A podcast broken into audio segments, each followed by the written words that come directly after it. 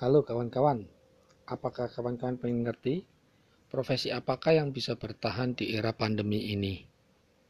Ya, profesi dan pekerjaan pada masa pandemi banyak yang berguguran, mengingat pandemi tidak memungkinkan kegiatan-kegiatan ekonomi.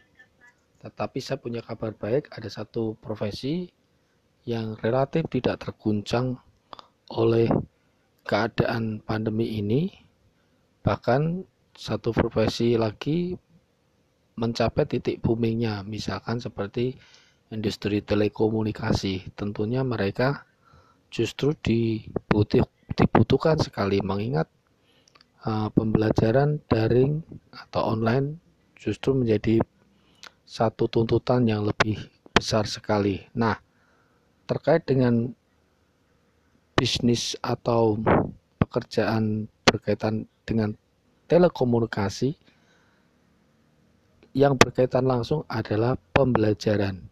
Dan kita tahu bersama profesi itu adalah profesi pengajar atau guru. Kita bisa bayangkan kalau sama sekali tidak ada kegiatan belajar mengajar bahkan untuk jangka waktu menengah atau jangka panjang maka kita akan mengalami satu kondisi yang lost learning atau tidak bisa belajar sama sekali. Maka profesi ini menjadi profesi yang relatif aman. Kita akan lanjutkan pada segmen selanjutnya. Apa keunggulan profesi dalam mengajar atau sebagai guru ini?